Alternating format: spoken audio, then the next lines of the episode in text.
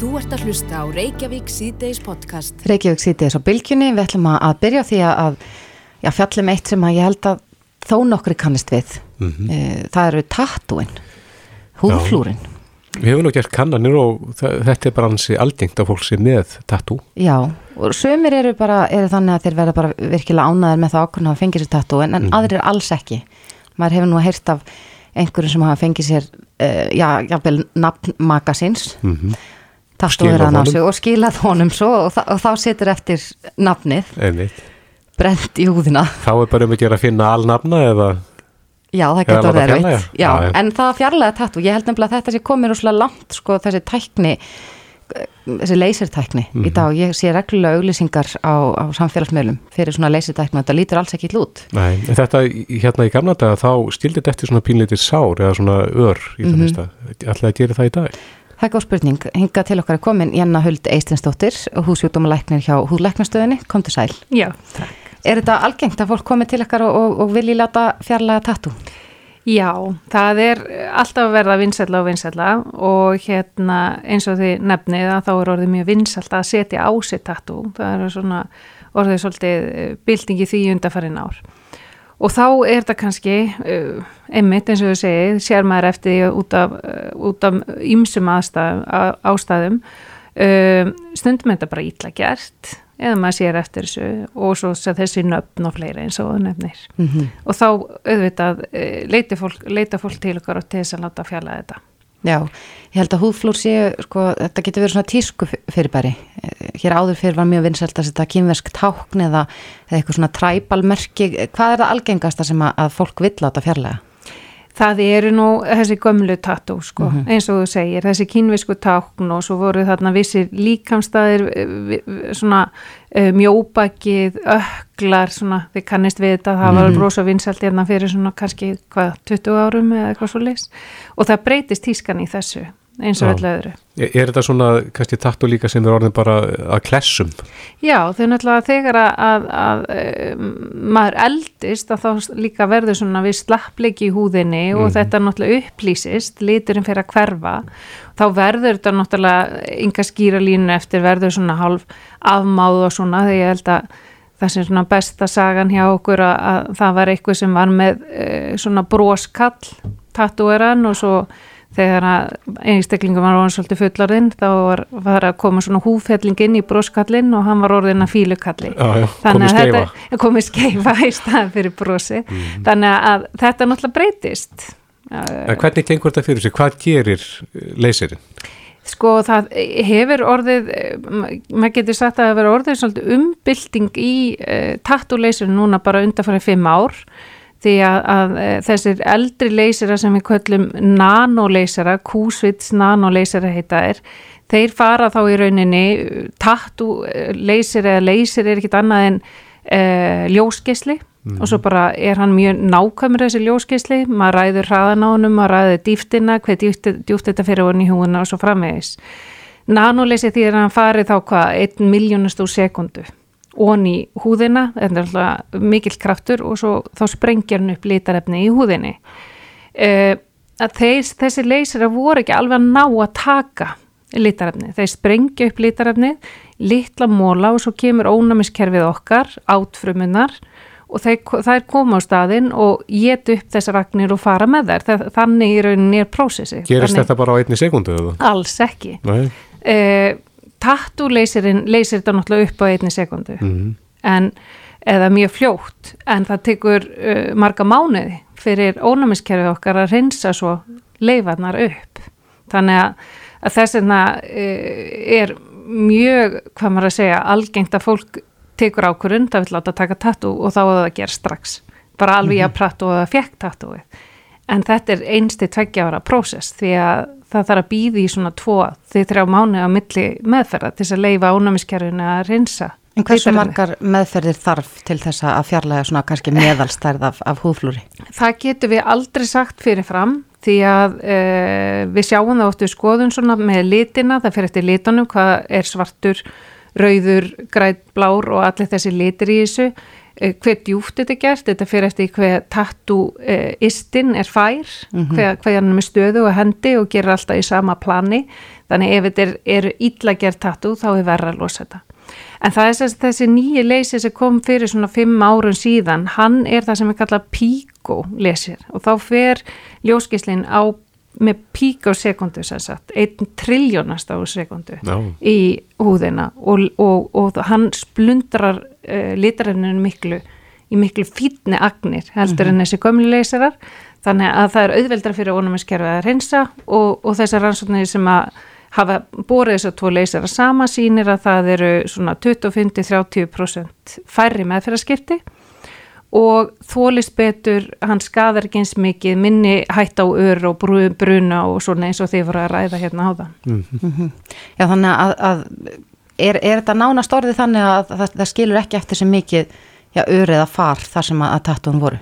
Það er bara mjög flottur árugur yfir til næst. Eh, Það er eitt litur sem við náum ekki. Það er bara ekki komin tækni til þess að taka hvítan lit eða hvítur litur í tattoo og ég hvet alla til þess að fá sér ekki hvítan litur í tattoo. Hvað er það af hverju hvítur? Það er bara ekkert til staðar fyrir, sem nef, tekur upp ljósgeislan. Já, já. Það fer bara í gegnum litin, þú veist. Ert með, þú ert með ykkur agnir í hinnu, í þessu svart svara best, því það er þéttasti liturinn, hann tekur upp mestu orkuna. En er hvítur algengur? Ég er alltaf að sjá, við erum alltaf að sjá það, sko.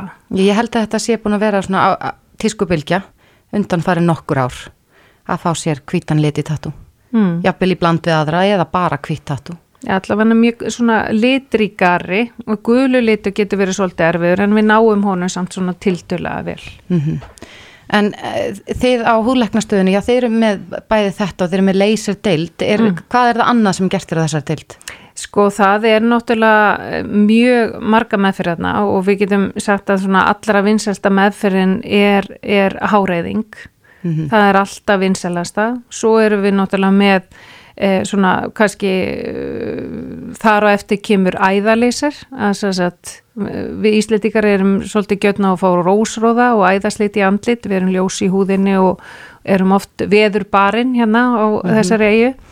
Þannig að það er svona næst vinsalasta meðferðin og, og svo eru, er við mikið í öra meðferðum, uh, krakka sem hefur fengið bólur og, og sitja eftir með ör í andlitinu og þá erum við eh, að vinna í, í því með öraleysir. Já. Er góður árangur af því? Það er alveg bara eh, mjög fítn árangur, það er uh, fyrir náttúrulega bara algjörlega eftir hva, djúpbörin eru og, svo, framvegs en jú, við erum alveg að ná svona 80-90% bata. En að því hún nefndi hérna háreiðinguna, Já. þá koma litirni líka stert þar inn eða ekki? Jú. er, ekki, er það að eða ljósum hárum eða rauðum? Það er, það er mögulegt að, að, eigða rauðum en, en eh, það er ómögulegt að eigða hvítum eða gráum hárum. Já, af sömu ástæðu þá og með tattúið.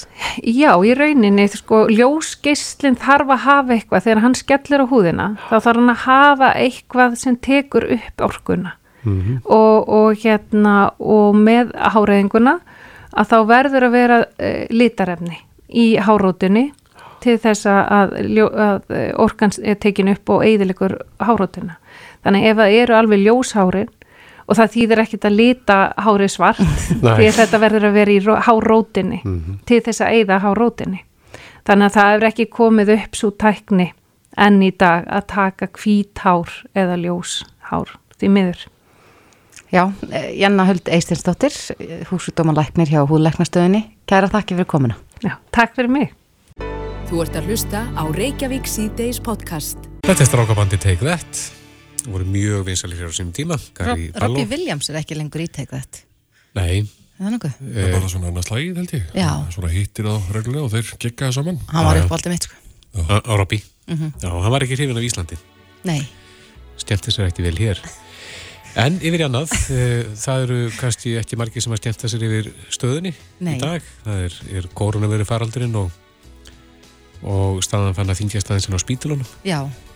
Og það er eitt af því sem er svo, þetta verið að rannsaka þennan sjúkdóm sem við þekkjum ekki og það hefur ímislegt verið leitt í ljós bara síðan í vor. En eitt af því sem að, að vísindamenn eru að kanna er sem sagt áhrif næringar ástands á horfur sjúkdómsins. Já, Það er þá hvort að, að það sé eitthvað sem að við mættum já, taka meira inn af vítamín og annað slíkt og það Mhm. er nú búið að vera ofarlega bauði undanfarið að rannsaka það hvort að sko D-vitamin skortur leiði til þess að fólk verður veikara af COVID-19 Já. En hvernig, eh, til dæmis, þegar við berum okkur sama við sólríkari lönd, þannig getum við bara nefnt Spán til dæmis, Ítalíu. mm Já, það hefur nú verið ástandi hefur nú verið mjög, mjög slæmt þar en, Já. en já, ég fór að velta því fyrir mér hérna áðan sko hvort að, að eh, ástæðan fyrir því að fólk var veikara í vor er út af því að það var, það var dimmara og við Íslandingar hefum auðvitað verið þekkt fyrir það að vera með já, fá ekki nægilega mikið að D-vitamini frá sólinni til dæmis Einmitt. En uh, leitum til sérfræðingsins sem að skrifaði mitt um þetta inn á vísindavefnum, Jón Magnús Jóhannesson, sérnámslæknir í líflækningum, sæl. Sælblöðu. Já, er, er sama sem ert í þarna milli? Uh, D-vitamin skorts eða, vöndun á D-vitamini og síðan alvarleika sjúdómsins? Það má segja eins og staðinni núna að það sé kannski ekki samanstæðmerki þannig á milli en það er mögulega einhvers konar merki sem tengir þessi tvö atrið saman. Og það sem er oft flókið einmitt í þessu málum er að það sem hefur áhrif á alvarleika COVID-19 þetta er uh, listi sem næri bara tögum mismunandi atriða. Svo uh, sagt eitt svæði það sem gæti verið D-vitaminskortur og gæti verið góðir þættir þar á móti sem að svona vega á móti sína eitthvað áhrifum. Og þess vegna getur verið mjög erfitt að rannsaka þetta atrið því það er að taka tillit til svo margar annara þátt en eins og staðinni núna vitum við ekki hvort að það eitt og sér að vera með D-vitamin skort leiðir til þess að þú sett viðkvæmur fyrir alvarlegum COVID-19 eða samt alvarlegari sýkingu sem leiðir til COVID-19 en þá má hins vegar leiða líkur af því að sé ekki þáttur sem að minnskvæmstu hjálpi til. Nei, mælur með því þá að, að Íslandingar, já við sem að, að sólaljósi er minkandi með hverjum deginum, ættu við að, að taka D-vitamin uh, aukalega til þess að, já, jafnvel að forðast þetta?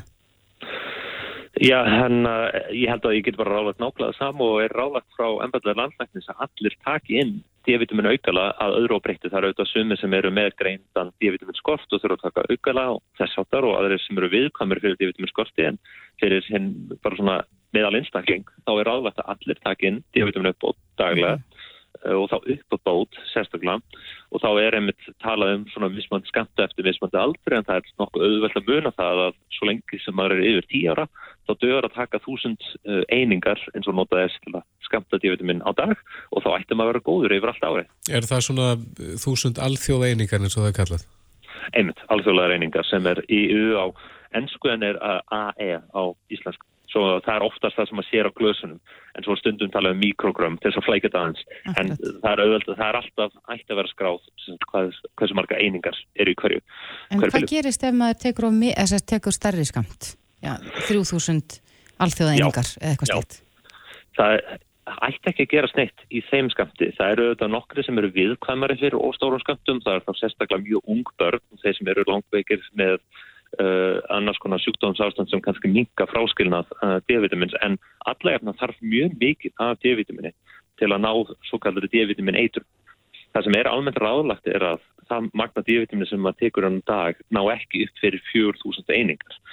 En það er til langstíma, til lengur tíma og það þyrsti í rauninu taka marga 20.000 eininga á einum degi til þess að ná einhverjum skadalöfum áhrifum og meira þá þyrsti það í einhverju dagar líka. Svo að þetta er almennt nokkuð örugt vítamin en það er auðvaldra þá bara að halda sig við þess að hámars 4.000 einingar á dag og þá er maður góður. Já, en að því við nefndum hérna á þessi lönd það sem að sóla nýtur nú meira við eins og Já. Spáni og, og Ítali og, og svo er ekki alveg náttúrulega víst með Afríku Mm -hmm. þeir virðast vera að sleppa betur heldur en kannski einhverju þorða vona mm -hmm.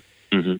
Eh, hvað, hvað segir við því? Að því að nú virðist þetta fólk vera að fá ágætti skamt af sólinni? Það kemur einmitt inn frá nokkur hægt mjög mikilvæg pælingar og mikilvæg vangaveltur hvað þættir er þarna sem spila í þessum mörmilli landa. Og það er einhvern ótra margt sem spila þær inn í. Það er kannski eitt sem er þess verið að nefna sérstaklega varðandi Afríku og sérstaklega svæði Afríku sem eru við miðbögg er að það er klála einmitt útsetning fyrir sóluljósi og góðu sóluljósi sem er meira en það sem við erum að sjá á okkar slóðun það sem eins og að kemur svolítið á móti er eiginlega þrennt það er an, fyrsta lagi það að þau eru með einstaklega sem búa þar er oftast með dekkri hörund og það mingar um leið það dívituminn sem hægt er að mynda frá sjálflösi og svo, svo það er, þeir einstaklingar þurfa að vera lengur í sama magna sólarljósi með þá sem eru ljósarhörður eins og við hér, uh, flest hver. Það sem að spila síðan líka enni er uh, annars vegar sagt, hversu mikið fólk er úti sem staðar er sagt í rauninni vera að reyna að forðast af sólarljósi því að geta haft skadlegar afleggingar og svo það að þetta næringar ástand spilar á móti. Svo þó að mest af því devitum sem við fáum er vissilega úr húðin og frá sóluljósinu svona alla jafna þá er það að vera verulega vannmærður eins og algengt er uh, á, í mörgum löndum við meðbögg. Það spilar svolítið á móti og það leiðir til, til þess meðan þess að við skoðum innland sem er vanlega bara nokkuð mikil útsetningu fyrir sólaljósi. Það er alltaf 70% einstaklingar með margtækandi D-vitamin skort sem segir einmitt að þó að sólinn skipti auðvitað máli þá er bara svo margir aðri fættir sem að vega þar á móti. Mm -hmm. Hefur... Já, allt til að, hvað, hvað segir þú? Eh, hvort að þetta útskýri sér mun á milli landa, það er eins og stór spurning og eitt sem er sérstaklega erfitt að meta í Afríku er eiginlega tvenn. Fyrstulega er meðalaldur þar í næstu öllum löndum uh, sunnan Sahara mun lægri enn hér. Og það er þetta færri sem eru viðkvæmir fyrir mjög alvarlega meikun en það er það þeir sem eru elstir sem eru viðkvæmastir allavegna uh, og síðan er það að það er miklu erfiðar að ná utanum skrá döðsföll í Afríku út af því að innviðin eru svo slæm svo talning döðsfallu þar er líklagt og tilfella Já. er líklagt verulegt vannmann. En uh, Jón Magnús hefur verið sínt fram á, á tengst á milli annara sjúkdóma og, og jafnvel eitthvað svona skorts á vítaminum eða, eða annars slikt sem leiðir til verri veikinda völdum COVID-19? Það má segja það að já, það sé svona uh, vissir þættir sem spila þarna inni. Það má kannski segja að hvort við sem að tala um einhvern svona sérstakt vítamin ekkert endilega en þeir sjúkdómar sem geta valdið vítaminskorti til dæmis uh, ef við tökum langveina nýðna sjúkdómar það verulega ykkur líkur á D-vitamin skorti og það helst síðan í hendur við líka alvarlegri uh, líkur á alvarlegri síkdómi vegna COVID-19 en það er líklast ekki út af D-vitamin skortinu veinum að sér, heldur er þetta fólk bara útsettari fyrir alvarlegum síkdómi og er útsettari fyrir D-vitamin skort.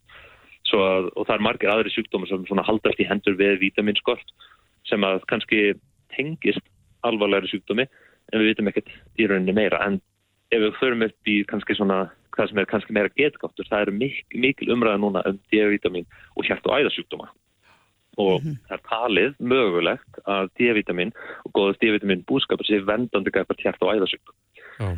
og ef það verist vera raunin og það er einhver gögt sem bendur þess uh, þá væri það sem sagt eitt og sér vendandi ef maður er með góðan D-vitamin búskap og þá vendaður í gæpart hjart- og æðasjúkdómum þá eru hjarta og aðeins eitthvað sem eigur hættu á alvarlegum COVID-19 sjúkdómi. Mm, Svo þar myndum við sjá einhverja tengingu sem að það væri haldar og í ljósa þess að COVID-19 hefur líka neikvæð áhrif á hjarta og aðeins þá spilar þetta auðvitað svolítið saman Já. og þess vegna er mjög góð ástæð til að rannsaka þetta mun nánar.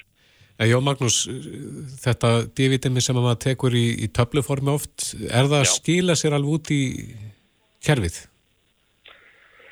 Menur þá, já, þess að hvort að það skilir sér alla leið í á viðhandi staði. Já, er líka minn að, að taka þetta og nýta þetta og koma þessu á, á sinn stað? Já. Eða fer þetta bara beitt í gegn? Já, í yfirgnafndi meira hluta þá á það tíu vitamin sem við innbyrðum, hvort sem það er uppbóti eða í gegnum fæðu, eigum við að vera að taka það. Það eru auðvitað vissi sjúkdómar sem að auka það að hættu að vera með skort og það er alltaf með þeir sem eru með stuttagörn, þeir sem eru með bólkusjúkdóma í meldingavegi þeir einstaklingar eru útsettari fyrir því að upptakan sé minni á D-vitamin eins og mörgu öðru og þeir sem eru með brís vandamál þau geta líka verið hættu. En ef maður er sem sagt með bara í raunni ekkert af þessum undirleikandi sjúkdöfum þá er maður nokkuð örgum með það að það D-vitamin sem við tökum inn verður tekið upp jafn óðum. Mm -hmm. um, allt annað er í rauninu miklu sjálfgefur og kannski ekki þessi virða að svona benda sérstaklega á en auðvitað eru til síðan undatækningar á því að maður getur bara verið með einhvern meðfættan eiginlega nýta ekkert dýritum sem það tekur upp. Já, en stílabáði frá þér að taka í það minsta þúsund alþjóðlega reyningar af D-vitamínu og hvað allt upp í þrjúþúsund? Já, svona fjöðþúsund er hámarkið. Ég held að það er bara fínt að ef maður tekur þúsund þá er bara örfáar undantekningar það sem að það þarf eitthvað meira að því. Svo 1000 er rauninu mjög örugt tala mm -hmm. og þá ertu nokkuð langt frá efri viðmjörnumörkunum en næ, uh, þetta er nægilegt magt til þess að uppfylla þína daglu þarf í rauninu næstum því án undantekningar. Já, þetta eru góð ráð svona áðurna skamdegi skellur á en Jón Magnús Jóhannesson, sérnámsleiknir í livlækningum hjá landsbytalanum. Kærar þakki fyrir þetta. Nei, takk sem við. Hlustaðu hvena sem er á Reykjavík C-Days podcast. Í gær fóru fram fyrstu kappræður Donald Trump fórseta bandrækjana og frambjöðanda republikana og svo Joe Biden, mm -hmm. fyrirhandi varafórseta og frambjöðanda demokrata. Já. Það, sko fréttir í dag hafa að fjalla mikið um þessa kappræður og, og hér segir hérna á vísi.is framíköll, óreiða og deilur enkendu kappræðunar. Ég vorkinni þáttastjóðandan en þannig, hann hefði bara Hann hafði nóg að snúast allavega. Já, enginn tök á þessu. Enda kannski erfitt. Við, þá kandi þetta þarna sem þarna voru. En, en því, því hefur líka verið flegt fram sko að það hafi verið, já, bara mikið um legar. Að staðrændir hafi ekki verið, um, já, ég hafi um haðar. Já, þeim hafi verið varpað þarna fram. Mm -hmm. Og svo var mikið um framíkvöld en, en það segir hérna í annari frétt inn á vísi.is að að japanskir tólkar hafi verið miklum boppa eða að, að þýða þetta vegna framíkalla. Þú slum aðeins heyra hvernig stemmingi var hjá japanska sjónvarpinu. 私の質問を終わらせてください。トランプ大統領、私がオバマケアに反対するのは、私は個人的ですから、選択の自由です。Mikið hlamagangur hann það. Þetta eru ekki auðvelt verk. Nei, akkurat. En uh, Fríðun, Fríðunsson, almanatengil, sem að fylgist vel með bandarísku pólitík, er á línu, kom til sæl. Sæl, sæl. Uh, hvernig metur þú svona stöðun eftir þessa fyrstu kappræður? Er, er þetta að segja að annarkor hérna, frambjóndin hefði unnið þessa kappræður?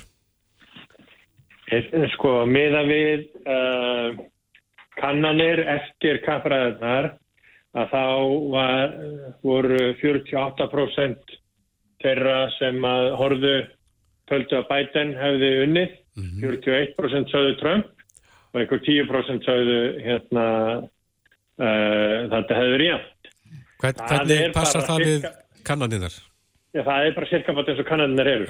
Mm -hmm. Þannig að hérna þannig að það veriðist vera að uh, þeir sem að steyðja Biden hafi séð uh, Biden vinna og þeir sem að steyðja Trump hafi séð Trumpina.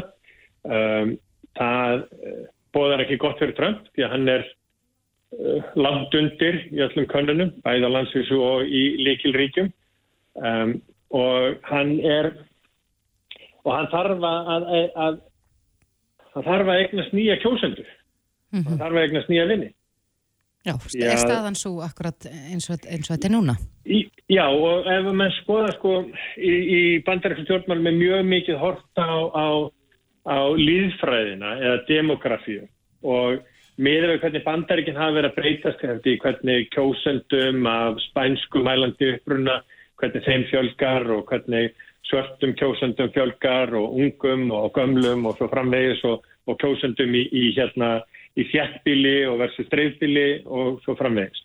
Um, þar uh, bara kemur ljós að þegar mann setja þær tölur inn í sko, hvernig þessir sömu hópar kursu 2016 og setja síðan uh, hvernig þeir hafa stekkað og minkað inn á 2020 þá bara ef að það er og ef mann er ekki taka til til eins annars þá uh, vinnur bæten kjörmannakostninguna 340 versus 190 eitthvað svo leiðis mm -hmm. þannig að hérna 180 þannig að, að uh, bara það hvernig uh, fólks tróun eða íbúa tróunin hefur átt í staði bandaríkanum við þetta fyrir fjögur ár það er ekki trömp í vil þannig að og svo hefur hann bara ekkert verið að eignast neina nýja vinni Uh, 200.000 bandarækjuminn eru látnir sko. uh, efnahagurinn er rúst. Uh, og hann er mjög svona hvað hann segja hérna aggressífur og átakagjart og er ekki lítur ekki á hlutverksitt sem fórseta að ná þjóðinni saman heldur til þess að sundrenni mm -hmm. En, en má ekki segja að efnahagurinn sé í rústansi víða svona út af stöðunni þessum COVID-málum? Jú, jú. Uh, hérna, og efnahagurinn var í hæstu hæðum áður en að, um, áður en að uh, COVID kom. Uh, það minnst aðtunlýsi í 50 ár. Uh, hérna, fólk var bara var með uh, hérna, fleiri, fólk var með meiri penningmilli handana og framvegis en síðan kemur bara COVID og þá er bara, þá fer allt í klessu og þá get, sko, og, og hann þó að hann segist hafa hérna uh, segist vera heimsmeistari í því að díla við COVID að þá er það bara ekki tannig og það þykir ekki sérstaklega trúverð þannig að, að þeir sem að eru sko uh, svona gjálta varhug gagvart Trump að þeir eru ekki tilbúin til að trúa því að hann sé heimsmeistari í því að, að, að eiga við að takast á við COVID Akkurat, en, en varðandi þessar kappræður, hversu miklu máli skipta þær svona fyrir framhaldið uh, næsta svo? Ég held að það hafi ekki skipt í raun og veru neinu máli. Uh, það sem við erum að sjá uh, í fréttum núna í dag er að áhorf á þær var mjög lítið í samanbörði við, sko, það var met áhorf á fyrstu kappræðurnar fyrir fjórum árum síðan, Hillary gegn Trump. Uh, þá voru 86 miljónir bandarækjumanna sem horfðu á þær kappræður. Uh, það er ennþá verið að taka saman en svona, það stefnir í að þetta verði valla haldræktingur á við það sem, að, hérna, það sem var fyrir fjórum árum síðan. uh, við sjáum það líka bara í fylgiskonunum, kjósendur, þær hafa voðalega lítið breyst í síðan sko í vor. Þannig að, að það eru miklu færri ókvönir og hérna, sem að ég held að bóði gott uh, allavega ég er þeirra skoðunar að, að bandaríkinn væru í betri stöðu ef að þeir skiptum fórseta og hérna þannig að ég, ég held að hérna að það, það, ég held að það skipti ekki raun og verið miklu málu, ég held að vera ennþá minna áhorf að næst vegna þess að þetta var þetta var hræðilegt Þetta var bara, það er ekki tægt að segja neitt annað. Nei. Þetta var niðurlægandi fyrir bandaríkin að tveir, að þeir tveir sem er að keppa um að verða að gegna valdamesta umbætti í heimi uh, hafi farið niður á þetta plan, að bætin hafi farið niður á þetta plan líka en það var alltaf búist við að Trump verið þarna og, og hann lendi sér í miklum átöku við stjórnendan. Það er bara, veist, þetta er Þetta var ekki sérstaklega fósættilegt. Mm -hmm. Bætin var fósættilegri. Sko. En, en hefði bætin átt, átt að sleppa því að taka þátt í þessu og, og já, leifa svíverðingunum yfir sig að ganga? Nei, sko, það er, það er auðvitað ekki hægt. Já, ef þú gerir það, þá lítur út fyrir að vera sko, fullkomlega blóðluð. Sko. Mm -hmm. Þannig að, hérna, ekkert sé, að það sé ekkert, það sé, og, það, þú hafir ekkert, sko, hérna, það sé ekkert sem að reyði við þér. Og bandarækjumenn og bara og allir vilja að það sé eitthvað að það sé einhver, einhver mannesku bragur á, á því fólki sem að leiðir. Þannig að það hreyfi við þeim ef það er talað sko niður til fólk sem að skiptir máli. Þegar þegar að bætin fór að tala um svonsinn sem er látin þá byrjaði Trump að grýpa fram í fyrir honum sem er eins ósmekklegt og það getur orðið sko. Já, akkurat. Að, En hvað eru margar kappræður eftir? Það eru tvær eftir 14, nei, 15. og, og 20. og annan. Áttu vonu því að þær verði með breyttu sniðu að menn reyna að hafa svona aðeins betri tök á ástandinu þá? Uh, ég sé ekki fyrir mér að Trump verði, sko ég held að bæntinn nálgist þar kannski einhvern veginn öðruvissi. En ég sé það ekki fyrir mér að Trump hægir sér með neinu öðrum hætti heldur en, heldur en hann gerði núna þetta var auðvitað takmark hjá honum, hann grýpur stöðugt fram í fyrir bættin og reynir að, fram, að kalla fram mistök hjá honum vegna þess að Trump trúir því að, að bættin er orðin ellegar.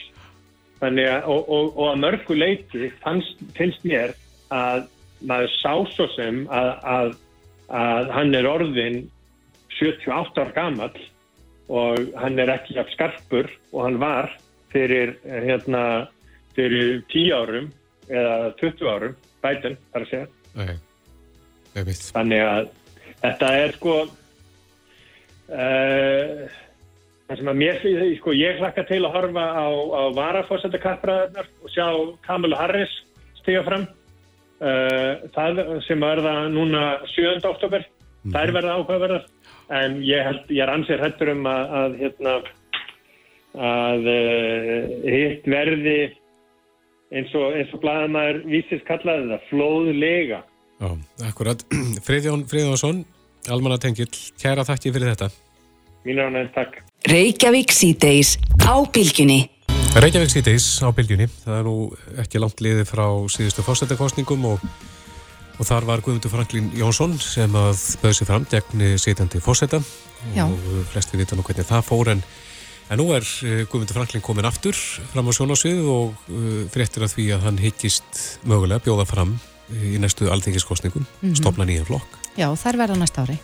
Já, En Guðmundur Franklín Jónsson er komin hinga til okkar, kom til sæl. Takk. Ertu að fara í frambóð? Já, það er svona verið að íta á mig til þess að fara að gera það og taka þátt í einhverju stjórnmannastarfi og ég hérna er svona búin að vera að melda þetta með mér og síðan náttúrulega í einhver tíma, núna síðan eftir kostningar og, eh, og núna er, við höfum hennan COVID-tíma þannig að ég hérna er eiginlega hálgjörðu fríi og alveg fram á mitt næsta ár þannig að ég verði eitthvað að gera við tíma minn þannig að mér, ég hérna, tók ágætlega í þessar hugmyndir minna stundismanna já, að taka þetta áfram sem ég byrjaði þetta, hérna, þessi málefni sem eru mér mjög kær hvað, hérna, þú stopnaði náttúrulega hægri græna hérna. eh, Í den, já. Í den. Já. Uh, er það ný, nafnið þá á, Nei, nei það, er, það nú ekki nafnið hérna, en, en sko áhersluðan eru svona svipað við erum náttúruvæn uh, sagt, uh, flokkur og, eða, uh, sem sagt, en, og berjum náttúrulega berjumst fyrir fullveldinu og, hérna, og, og gegn spillingu. En nafnið flokkurinn kemur líklegast til með að heita uh, frjálslindi líðræðisflokkurinn og hérna og, en það er samt sem aður ekki búið ákveða það. Og þetta verður sem sagt kannski á nýju ári sem við byrjum og hérna og það voru kannski blásu herlurina en und, núna er bara undirbúinisvinn í gangi og fullt af fólki að hafa sambandið með og svona hópur og, og málefnavinnan er hafin og, og þú veist það er verið að hanna merki og þú veist þetta helsta sem að En hvar stað, staðsetur Þennan flokkinn á, já, á, á svona hinnu pólitíska litrófi kannski? Uh, sko, já, þetta er góð spurning vegna þess að, að í þessum hóp sem kaus mig eru náttúrulega fólk langt til vinstri og fólk langt til hægri eða, sem sagt, þannig að þetta er svona þverpolítist afl eins og það heitir. Og uh, enda líka er, sko, við lifum í litlu þjóðfélagi og við getum eða ekki skipt okkur svona í fylkingar eins og er, er gert í bandarækjunum og verður, við verðum einhvern veginn að bera hérna sagt, slíðra sverðin og, og hérna vinna saman sérstaklega út úr þessari kreppu. Og hérna sem að hefur myndast vegna þessa faraldar og uh, þannig að það er í rauninni ekkert um annað að ræða heldur en að vera með þverpolítist afla bóðstólum og þannig að það geta allir, allir komið með, með mér í, í, í pólitík Það var talað um það hér í, í vor þegar þú varst í fórseta frambóði að, að ímislegt að því sem þú vildir gera og ætlar að gera ætti kannski frekar heima hjá á alþingi. Já. Erstu bjart sýtna á að, að ná inn á þing og, og koma þá þínum ja, bóðskap áleiðis? Já, já, ég nokkur, nokkur neginn bjart sitt með það ég er náttúrulega að vara í, í hérna, hérna í fórsetakostingunum þá náttúrulega var ég að fara upp á móti rosalegum vegg, skilur þannig var sittandi fórseti með all, alla með sér og, og allt stjórnkerfið og, og þar framöndu gödunum þannig að hérna, ég gerði mér alveg grein fyrir því en, en það varði einhver samt sem áður að bjóða upp á þessa, þessa líðræðislegu leið sem við höfum að fjóra fresti. Og ég bjóst nú alltaf við að myndu nú fleiri koma heldur en bara ég en það enda nú svo. En, en í staðin fyrir þá kom ég til skila þessum málefnum mínu sambandi við, við hérna við fullveldi landsins og þessa ork, orkun okkar og, og þar framöndu gödunum og, og fullveldið og, og, spillinguna og, og allt þetta. Og líka leiðir út úr, út úr kreppunni. Og hérna nú þetta hefur svona svona hljómað ennþá í, í hugum manna og fólk vill og fólk vill halda þessari baráttu minni gegn spillingu, ég hef verið með svona myndbönd á netinu gegn spillingu og tala um hlutinni sem þeir eru í rauninni og fólk vill halda þessu áfram og ég tek bara ákveðli í það núna ég meina ég hérna eins og ég segi þá mynd, þá ætlum ég að leggja allt mitt í þetta eh, og, og pröfa eina fyrir en það, fó, það fór nú ekki vel fyrir mér í hæri grænu ég var ekki kjörgengu, munið ekki því jú, jú. Ég man reyndar ekki eftir því en, en allt En í það var, já, nei, var ég búin að vera erlendi svo lengi, skilur, þá Já. þurfti að, hérna, ég var búin að vera varst með lögheimili annars staðan á Íslandi? Já, já, nei, sko, þú varst, sko, nei, það gekk út af það að, að reglunum hafa verið breytt og þú varst að sækja um kjörgengi árinu áður, Já, já. Sko, nýju mánuðum áður en kostningar voru. Erstu ég- búin að því núna? Já, ég, nú, ég gerði það fyrir fórstakostningarna, þannig að nú er því getur, var- og svo, er, svo, og síðan náði ég náttúrulega þessum uh, uh, fylgi sem var meirinn framstofnarhokkurinn hefur og það eru fimm manns á þing og náttúrulega svo eru aðrir sem að ég er að reyna að fá til lags við mig sem að, hafa tekið mjög vilja að koma um borð og þeir hljóta þekkingura þannig að ég get svona, ég er að gæla við 10% Ja, því var líka haldið fram uh, núna fyrir síðustu fórsættukostningar að, að þú væri raun að nota fórsættukostningarna sem stökkpall inn á þing. Já, já, það hafa eflaust einhverju haldið það og, og eflaust einhverju sem eru á móti mér pólitík og, og menn náttúrulega nota, nota allt til þess að, til þess að reyna minga það sem maður er að gera en það var alls ekki svo. Ég var alveg ég, með, með pullum sensi þessu að gera þetta en, en ég vissi að ég myndi, ég vissi að ég myndi það er því náttúrulega algjört sko, kraftaverk að ég myndi vinna þetta. En ég vildi sem sagt, samt sem áður ekki láta það líðast að það er ekki hér kostningar mm. líðræðslega kostningar, bara maður bara koma á færibandi og fá þetta afhengt á færibandi. Vegna þess að ég hafði líka frétt margt um embættið og sem, sagt, sem ég vildi líka koma, á, í, koma út með í dagsljósið Ertu með eitthvað með þér sem þú komið með sem þú getur sagt Já, frá? Sem nei, að, sem ekki get sagt frá nei, það var nefnilega málið, það er svolítið gaman frá því að segja að þegar ég var með hægri græna að þá var ég nú uh, sem sagt, að safna svona fólki og, og mér minnist að það gekk verulega illa að fá konur sem stóð lista og það bara vildi ekki verið í pólitík þá og ég veit ekki út af hverju uh, það var þá en núna hefur það breyst, það er eins og það vilji bara sem sagt, koma út og, og, og láta í sér heyra meira, það eru bara þreyttar að hvernig kallarnir hafa klúraði svolítið saman. Eða kannski einhverja konur líka með.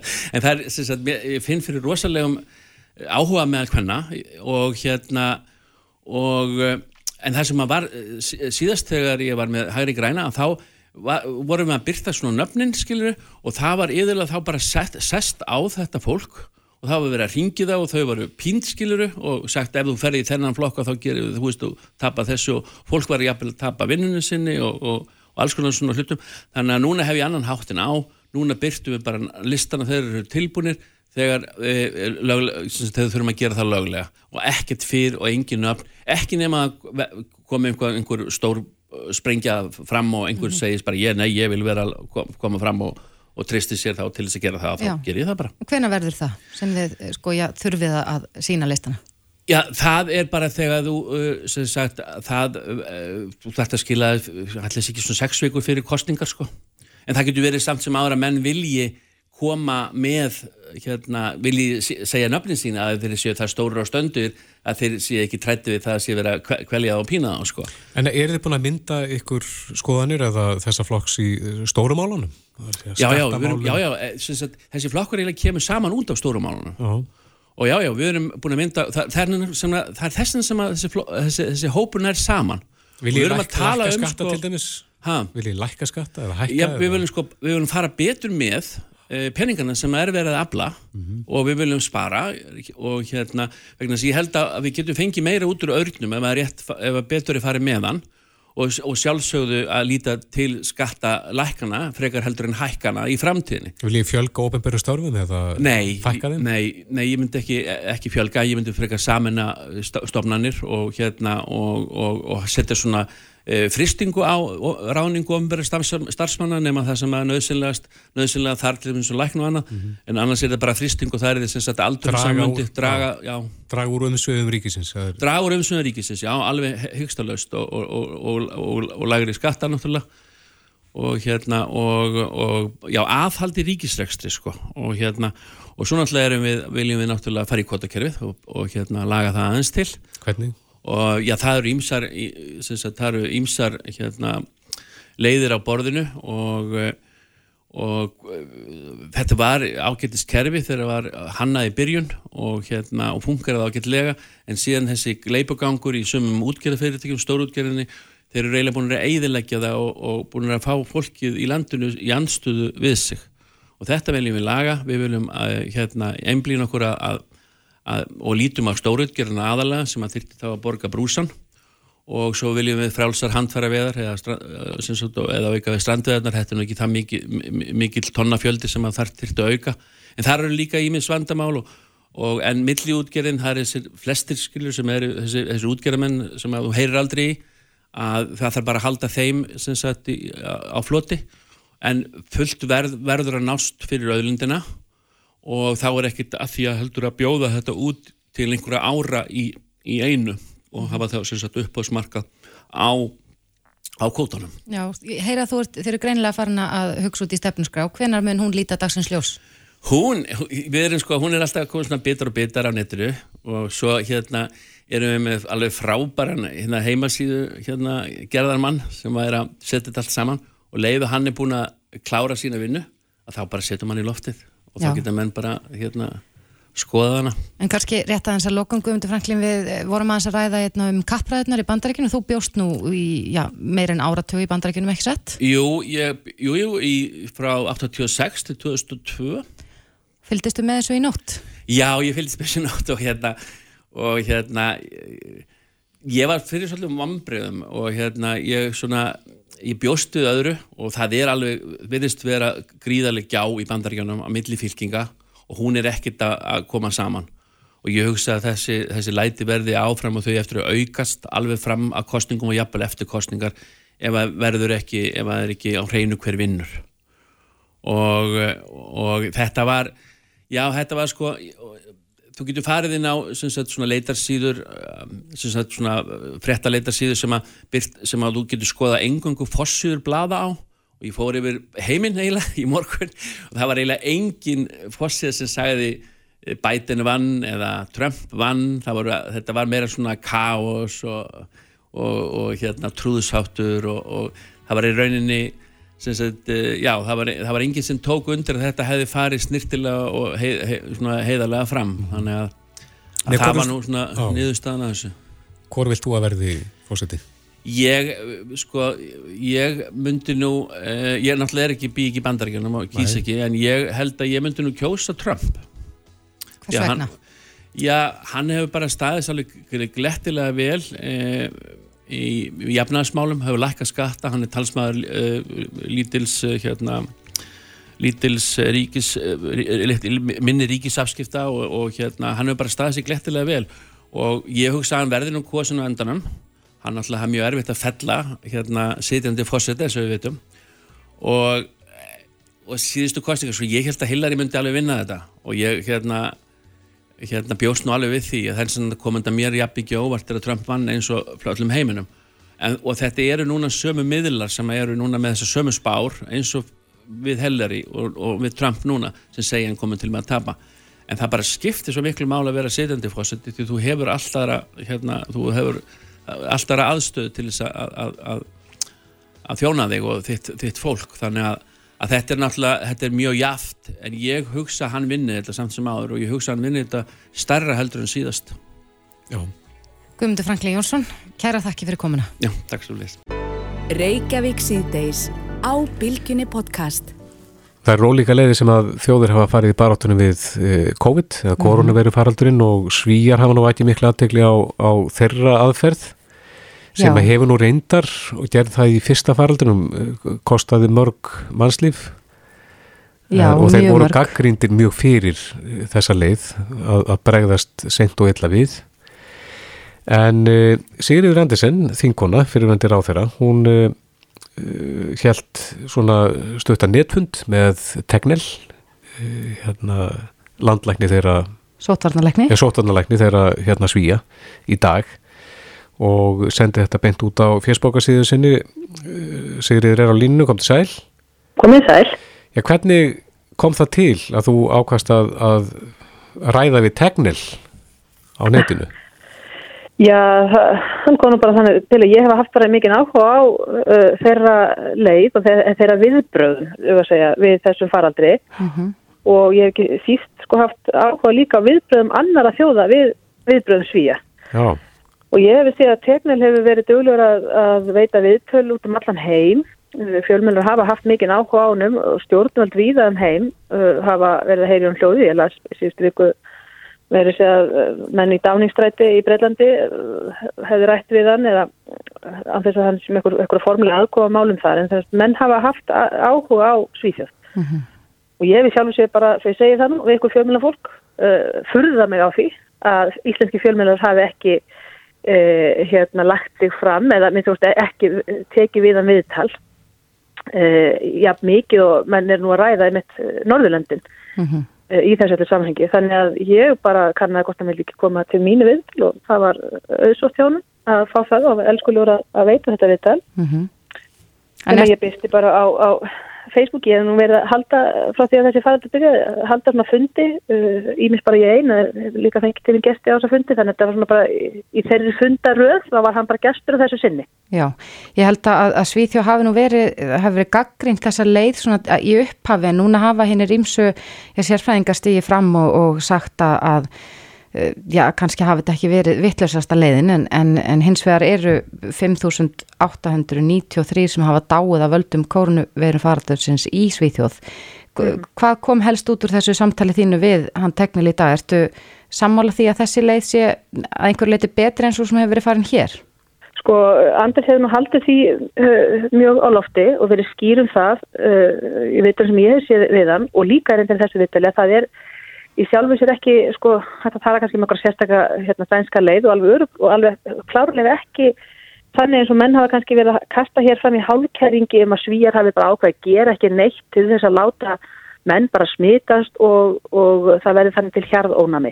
Þetta var auðvitað aldrei hérna, eitthvað, eitthvað slíka aðferð var ekki skipulega, þetta væri hún mjög óábyrg að segja bara að allir er að smitast heldur var frekar farin svo leið að, að hugsa um einstaklingsbundna uh, sóttvarnir í stað þess að vera með bóð og bönn og þvinguð, eins og þvinguð lockdown, þvingar sóttkvýr og sektir eins og verðum að sjá til þennis mjög mikinn í Breitlandi.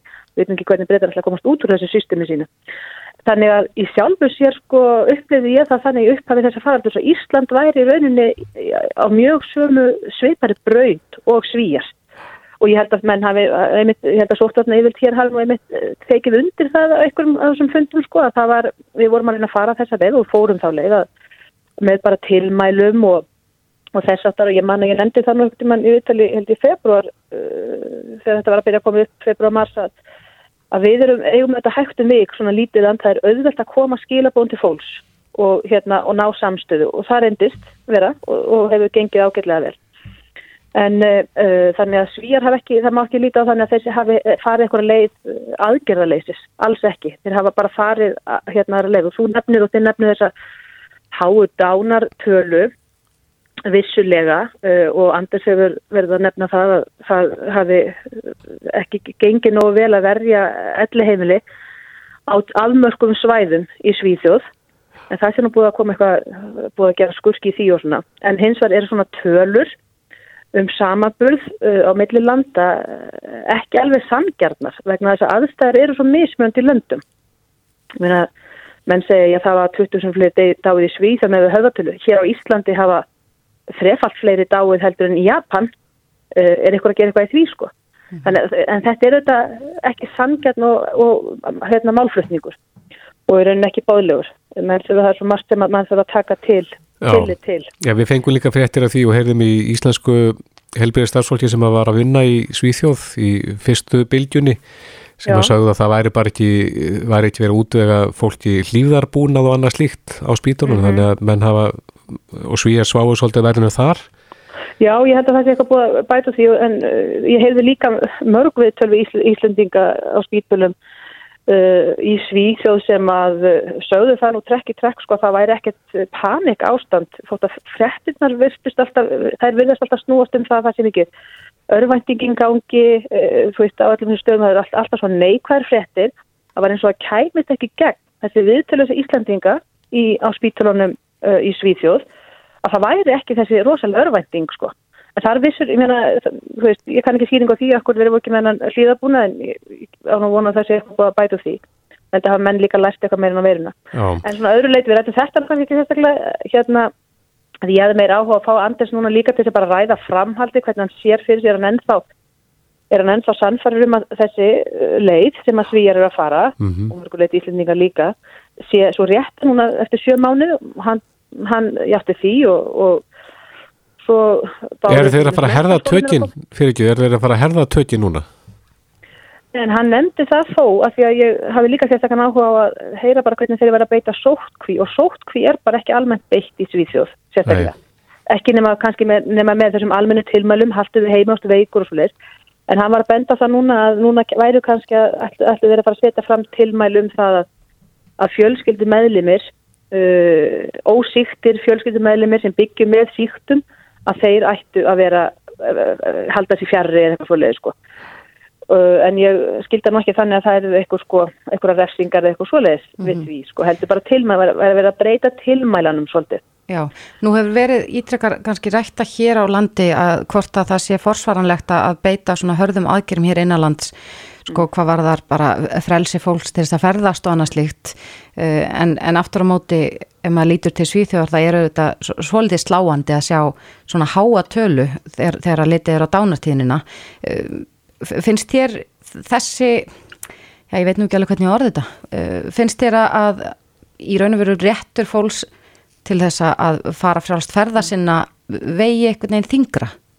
Já, sko, nú endur þetta ekki bara það sem ég sagði á það, í fyrsta lagi er ég ekki samanlega að þessar tölur séu kannski rosalega sláandi í Svíþjóð, vegna þess að við vitum ekki alveg hvað er á baku þessar tölur. Uh, það er líka, ég menn, ef við erum bara Ísland og Svíþjóð til samanbyrðar sko, þá er, þá er Svíþjóð miklu eldri þjóðheldur en Ísland. Þannig að það getur nú skýrt eitt þannig að mismunum líka það þarf að líta til svo margra breyta. Já, en, en ef, ég, ef maður ber þetta saman við, við Danmörku til dæmis þar eru uh, dánartíðnin sko 700 Já, já, ég veit það, en ég menna þeir eru búin að útskýra þetta þetta, þetta var afmarkað og þeir þykast geta reikið það rækið þetta til uh, elli heimila á afmarkaðum svæðum. Uh, sko uh, og ég, mér finnst ekki málefnilegt að stilla þessum hlutum upp úst, er, er eðlilegt að hérna uh, vilt að 5.000 mann stegi bara til þess að leifa landinu hérna að ganga? Ég menna ég, ég held fyrst og fremst fyrir menn að líta til borgarlega réttinda það er alltaf fyrst og fremst.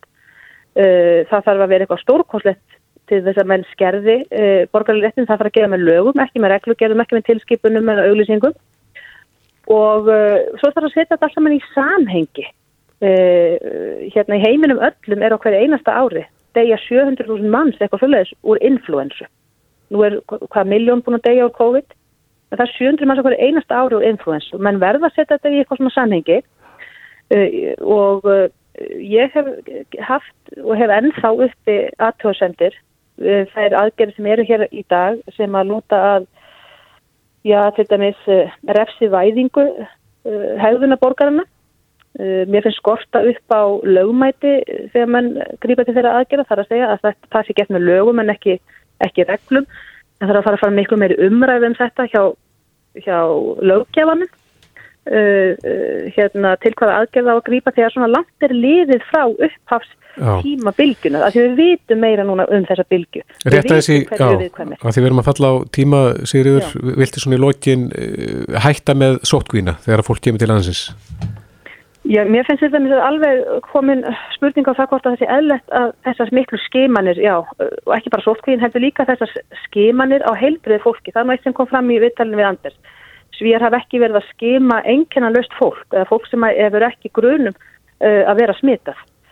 Þannig mér finnst komið tími til þess að við hérna í Íslandi hugum að því hvort að bæði peningum, mannabla og, og kröftum sé ekki betur varði að, að taka utanum þá sem eru í áhættuhópa, þá sem eru með einkenni og þá sem að tengjast þeim sem eru með einkenni, uh, tryggja það að spítalinn sé uh, tilbúin til að taka, taka á móti sjúklingum og þar fram til göttunum. Mm -hmm. Þannig mér finnst það verða mjög prínt og aðkallandi Uh, hérna, umfjöldunar efni hér á Íslandi. Já, Sigriður Andersen, þingmaður sjálfstæðisflokksins, kærar þakki fyrir þetta. Hárið, takk. Reykjavík síðdeis á Bilginni podcast. Reykjavík síðdeis nú klukkan orðin 6 og mm -hmm. það er nú ekki mjög mikið eftir hjá okkur en við ætlum aðeins að snú okkur að því eh, að gulllegginu. Já, gullleggið, eh, það hefur verið keppni undir þessu heiti, gullleggið, það er að segja þetta er nýskupana keppni. Mm -hmm. Já, þetta var nú með aðeins öðru sniði ár vegna þess að þetta var allt gert í já, semst, hugmyndirnar sem voru að mhm. keppa eða voru kynntar í gegnum eh, held í Facebook, þetta var allt í fjárbúnaði og allt slikt þannig að mhm. það var ekki svona formleg keppni eins og hefur verið undan farin ári en nú er sem sagt búið að kynna það er tíu hugmyndir sem kepp allir úrslita. Mm -hmm. og það eru oft rosalega góður hugmyndir sem koma úr þessari keppni. Einmitt, mjög spennandi, en það er spurning hvaða hugmyndir þetta eru? Já, á línunni er Edith Ómarsdóttir, verkefnastjóri hjá Icelandic Startups, kom til sæl. Já, hæ. Já, þetta var með örlítið ólíku sniði nú í ár heldur en áður, hvernig gekk að, að gera þetta allt rafrænt? Herru, það hefur bara gengið ótrúlega vel fyrir sig. Við erum alltaf bara með mjög stærst teimi hérna hjá Æslandbygg Startup sem bara hugsaður í listum. Þannig að þetta bara gekk ekkert verð heldur með þetta að vera staðnum. Nei, En það er náttúrulega alltaf skemmtilega að hitta fólk, sko. einmitt. En þessar tíu hugmyndir sem að þóttu vera bestar, er, er þetta ólíkar hugmyndir? Það eru mjög fjölbreyttar, sko.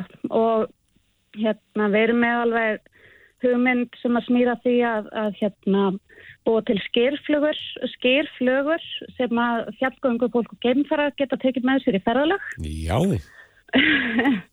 og svo erum við með e, lífplast sem að brotna niður í náttúrunni og hugbúnað fyrir áfengis og viðmöfna sjúklingar sem að býða innlegnar á vogi þannig að og út af hvað gengur það? þá er þetta, ég hef ekki alveg kynnt mér að nógu vel til þess að svara því akkurat núna þannig að verða að gefa mér örf og þetta í viðbót Ekki málið. Það stendur hér að, að sko, þetta heitir Elektra og þetta veitir áfengis og vímefna sjúklingum sem býða innlagnar og meðferðar á sjúkrásinu og ég bætta þjónustu með tilkomu hugbúnar þannig að þetta er Já. eitthvað Já, Eitthvað svona stöðningu þar. mm. Og hvað meira? Já. Já, svo erum við með uh, smáfröð sem að stuðlar að jafnrétt í verkaskipningu heimilana. Já. Já, við, við vorum akkurat að spyrja um þetta einnig könnun Já. uh, síðastliðin sólring þar sem við vorum að- að spyrja sko hver er verkstjórn á þínu heimili Já, meir hlutin svaraði því að konan væri verkstjórn á heimilinu þetta, er, þetta er klárlega eitthvað sem að mun nýtast öllum heimilum, bæði fyrir fullan held ég. Sko. Já, en þetta er app, segiru. Já, og þetta, þetta er app, eða Já. smáfröð. Já. Og fleiri? Já, já, já, já, við erum með alveg nokkur í viðbót. við erum með hérna Kinder sem að er leikavetur vettvangur þar sem að í rauninni allir geta sótt sér verkefni í sínu nærumhverfi og unnið það í skiptum fyrir einhverja umbund frá sveitafélaginu. Já, já. Já. Og, hérna, sem er mjög, mjög áhugavert verkefni líka. Og svo erum við með uh, teimi sem heitir Máltíð sem að þróar næringar útreiknaða matþæðla fyrir grunnskóla með að markmiða að minka matarsóun og þá skilst mér að foreldrar hafi til dæmis aðganga að, að uh, næringar innahaldi matsinn sem bönnin er að fá í hátteginu. Og svo erum við með Íno sem er sagt fyrirtæki sem að hann er hugbúnað fyrir lítil og meðalstór fyrirtæki sem að hjálpa þeim að útbúa skýrslur eins og stór fyrirtæki og þá er þetta uh, eitthvað sem að tengist inn á Excel. Þetta Já, er mjög, mjög háþrófað og, og komin ansi langt að veg sínist mér. Akkurat. Og Er listin þá tendur? hvað þeir eru? Er listin þá tendur? Er komna tíu? Það eru komna tíu hugmyndir. Við erum eftir, nei, já, eftir að nefna hérna bæri viðbót. Við erum með vefvák sem sagt sjódekk sem er vefvangur eða hérna svona online plattform sem til framleiðslu og varðveislu á sviðslistaverkum og viðbörðum. Og svo erum við með teimi sem heitir Your Global Guide sem er sem sagt rafræn leiðsögulaust fyrir snjalltæki sem hámarkur upplifin ferðamanna og, og hagnað ferðaþjónustu fyrirtæki. Já, já, ekki veitir af. Nei, ég segi það og vonandi að þetta muni nýtast okkur þegar að landið opnar að fullu aftur. En hvernig fer, svo, hvern, hvernig fer þetta svo fram já, í framhaldinu núna? Já, núna þá uh, taka teimin hérna eina vinnustofu eða vinnusmiðju og hún fer fram á netinu eins og allar vinnusmiðjarnar uh, áður en að við tilkynntum topp 10 og hérna og þau bara náttúrulega, það eru fyrirlestrar í gegnum neti sem þau horfa bara á heima og svo stefnum við á það að vera með uh, loka hófið bara á fysiskum stað þann 16. oktober ef að aðstæður leifa að og, hérna, og að þau fá að tækifæri til þess að kynna uh, hugmyndir sínar fyrir framann dómara. Já, akkurat. Já. E, þurfa þessir aðilar sem eru með þessar hugmyndir hérna að vera tilbúinir með svona kynningar eintak? Hversu langt þarf hugmyndin að vera komin? Alls ekki sko, þetta er rosalega mikið á byrjun að stí alltaf og þau þurfa bara að geta raukstutt uh, það að þessi varumunni, að þau muni geta skapa tekjur með þessari hugmynd sinni. Sumir eru komnir lengra á veginn aðrir og já. hérna, þannig að, en, og já. E, eru það þekkja margir ásköfundu stöðu á tvöðu þættina Shark Tank? Já, Er þetta svipað? Um, það má alveg segja það. Kynningarnir eru reyndar örleiti lengri en þau fá spurningar frá domnend og svona. En, en þetta er kannski ekki alveg, já, dómaran er ekki alveg jafn neikvæðir og, og þarna í akkurat. það er svona frekar uppbyggileg gaggrinni. Já, þetta hljómar vel og hérna alltaf gaman að heyra nýjar hugmyndir sem að bæta lífið. Já. Algjörlega. Edith Ómarsdóttir, verkefnastjóri hjá Icelandic Startups. Kærar þakki fyrir þetta og gangi ykkur vel. Takk fyrir.